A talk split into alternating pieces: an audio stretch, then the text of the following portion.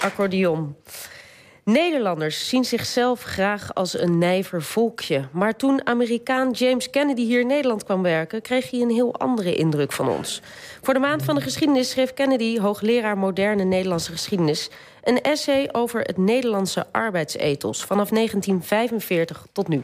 En hij is hier. Ja, en het heet Aan het Werk. En James Kennedy, nou ja, welkom. Uh, even heel kort en krachtig. Toen jij hier kwam in juni 2003, alweer een mensenleven geleden...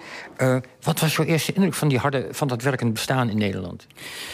Nou, ik was, uh, ik was in juni van uh, 2003 inderdaad naar Nederland verhuisd. Uh, en dat was, ik dacht van ik moet nu wel gewoon aan de slag. Want ik moet wel nu wel mijn sporen verdienen. Ik moet gewoon wel aan de slag, zoals ik dat ook in de, in de Verenigde Staten had gedaan. Ook wel door heel de zomer heen werken. En...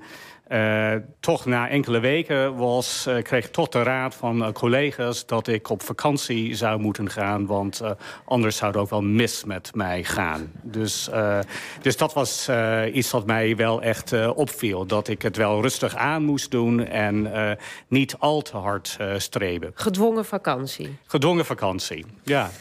Was het een groot verschil met Amerika? Ja, zeker. Nou, eh, zeker vakantiecultuur is, uh, daar is het wel echt heel erg anders. Uh, en ik denk dat veel me mensen weten dat veel Amerikanen ook nauwelijks vakantiedagen uh, hebben. En ik denk dat het ook opvallend is, is dat er veel Amerikanen zijn die nauwelijks vakantiedagen willen.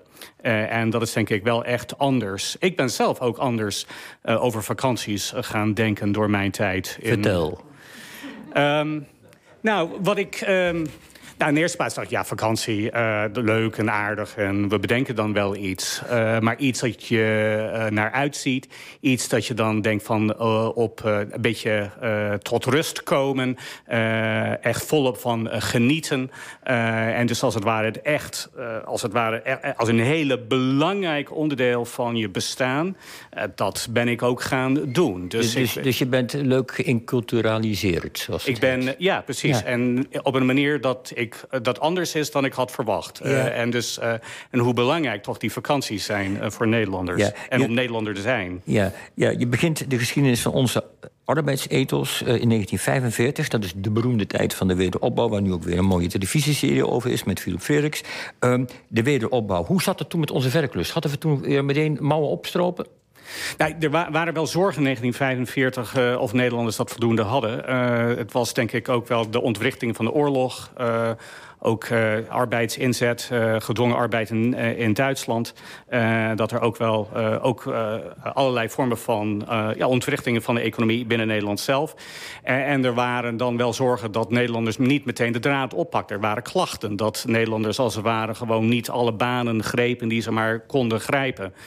Uh, ik denk dat het ook wel... Uh, dus je zou kunnen zeggen een soort parallel met een soort... Uh, veel mensen weten over die, die zorg over de, ehm, de zedeloosheid van jeugd... als gevolg van de oorlog. Er was ook een klein beetje zorg dat dat ook wel zou, hetzelfde zou zijn... met Nederlands arbeidsethos. Ik denk veel van die zorgen ook had te maken met het besef breed gedeeld overigens... dat er echt heel veel moest gebeuren om Nederland te laten herstellen van de oorlogsschade. Dat er echt weer hard gewerkt moest worden.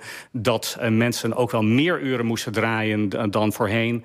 dat de productiviteit echt omhoog moest. Dus het werd snel gezien als dus een nationale opgave waar iedereen aan moet doen. En nou beschrijf je in je essay dat, uh, dat er wel een, een, belangrijk kan... want we hebben het nu over de wederopbouw... maar dat er een belangrijk kantelpunt in het Nederlandse arbeidsethos... zo rond 1960 ligt. Ja. Uh, toen werd ook de Vrije Zaterdag ingevo ingevoerd. Hoe veranderde dat onze blik op werk?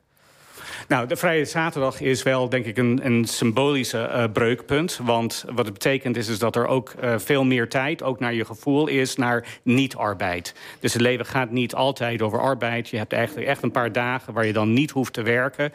En dat is denk ik wel kenmerkend voor een bredere patroon... waar mensen eigenlijk steeds minder hoefden te werken.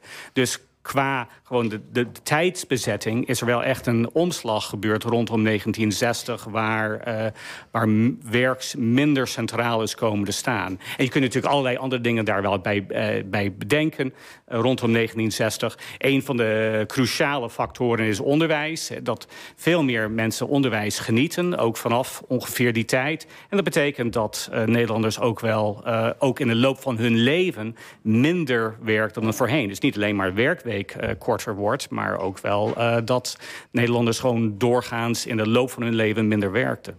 Maar om met die vergelijking met Amerika uh, op die vergelijking terug te komen, daar ja. kreeg men toen ook een vrije zaterdag. Waarom zijn we dan zo uit elkaar gegroeid? Ja, dat is denk ik ook een uh, interessante uh, vraag. Want je ziet in toenemende mate, en dat gaat eerst geleidelijk aan... maar uh, uiteindelijk is het wel in de laatste generatie wel heel erg duidelijk... dat Amerikanen juist meer zijn gaan werken. Ze zijn meer gaan werken dan zelfs de jaren zeventig. en dat is natuurlijk wel een ander verhaal dan hier in Nederland...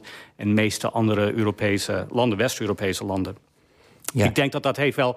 Deels heeft dat denk ik te maken met uh, andere opvattingen over, ja, over het ik. Hè. If it's to be, it's up to me. En dat uh, ik denk dat er een soort notie is van... ik moet mijzelf bewijzen. Het heeft denk ik ook wel iets te maken met de, de onzekerheden... van een toch wel wat ja, onderontwikkelde verzorgingsstaat in de Verenigde Staten. Daar zal wel, ook wel echt iets mee te maken hebben. En ik denk ook dat er wel...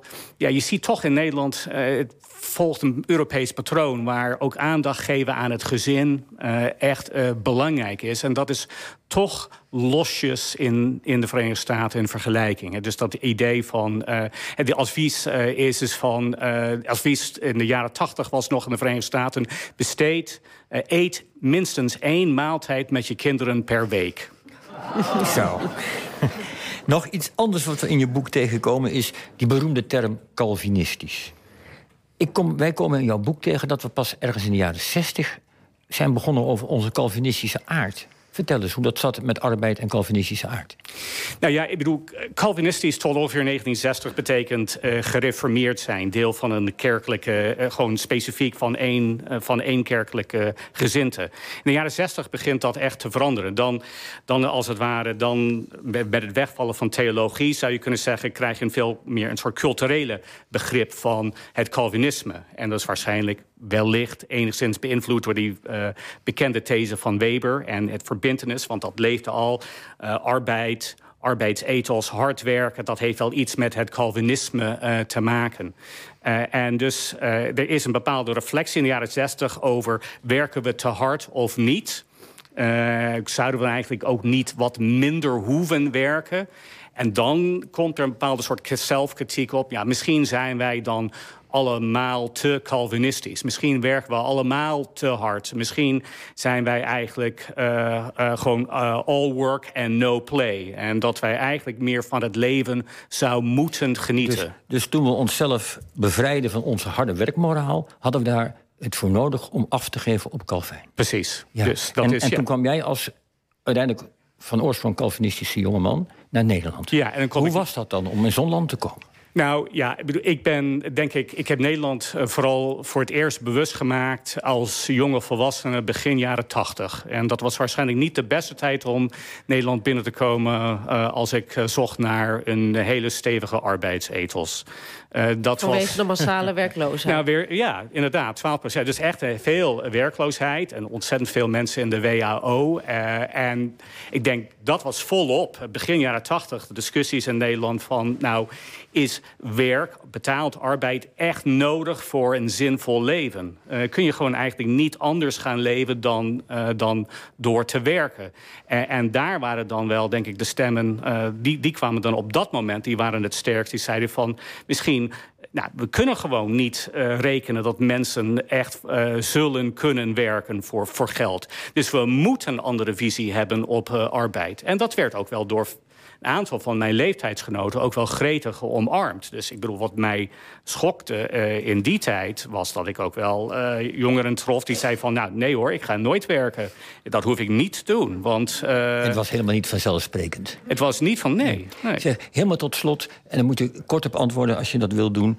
is de kwaliteit van leven van James Kennedy veranderd door dat Nederlandse inzicht dat je werk niet alles is in het leven?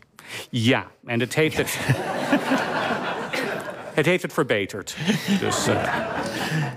Goed, hartelijk dank James Kennedy. Je schreef het essay voor de Maand van de Geschiedenis. En uh, voor wie alles wil weten over ons eigen arbeidsethos... die moet het vooral gaan lezen. Het ligt in de boekwinkels en het heet Aan het Werk.